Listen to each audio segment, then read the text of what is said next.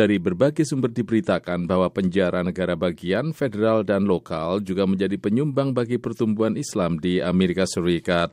Harian New York Times melansir bahwa narapidana muslim mencakup 17 hingga 20 persen populasi penjara di negara bagian New York. Dilaporkan bahwa 80 persen narapidana yang menemukan agama baru adalah mereka yang masuk agama Islam. Para narapidana Muslim di sejumlah penjara Amerika menjalankan ibadah puasa dengan kusuk, seperti juga di penjara-penjara di negara bagian New York. Dari pengamatan New York Times, pada suatu malam pada bulan Ramadan, Ketika suara azan berkumandang untuk sholat maghrib, para narapidana muslim di penjara Sing Sing di distrik setingkat Kabupaten Westchester County mulai berbuka dengan segelas air putih setelah berpuasa sepanjang hari. Lembaga Pemasyarakatan Sing Sing yang merupakan penjara dengan keamanan maksimal menampung lebih dari 1.600 narapidana dari berbagai jenis kejahatan.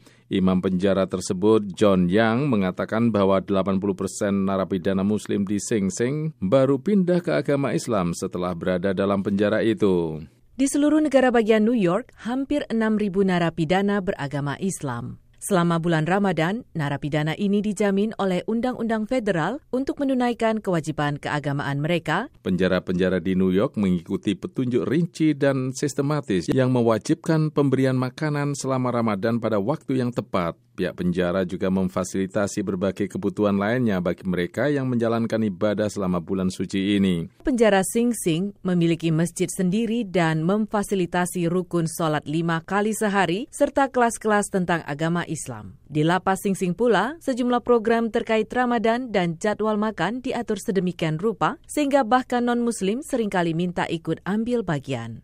Penjara itu menampung sekitar 250 muslim yang semuanya diberi makan setelah matahari terbenam dan tas khusus bekal makanan untuk sahur. Bahkan para narapidana muslim yang berada di ruang-ruang isolasi pun mendapat jatah yang sama. Tiap tahun, para narapidana muslim di penjara ini mengorganisir pengumpulan dana mereka menggunakan setengah dari pendapatan untuk menambah makanan Ramadan dan juga mensubsidi acara-acara keagamaan. Mereka juga memberikan sebagian dari uang itu untuk amal.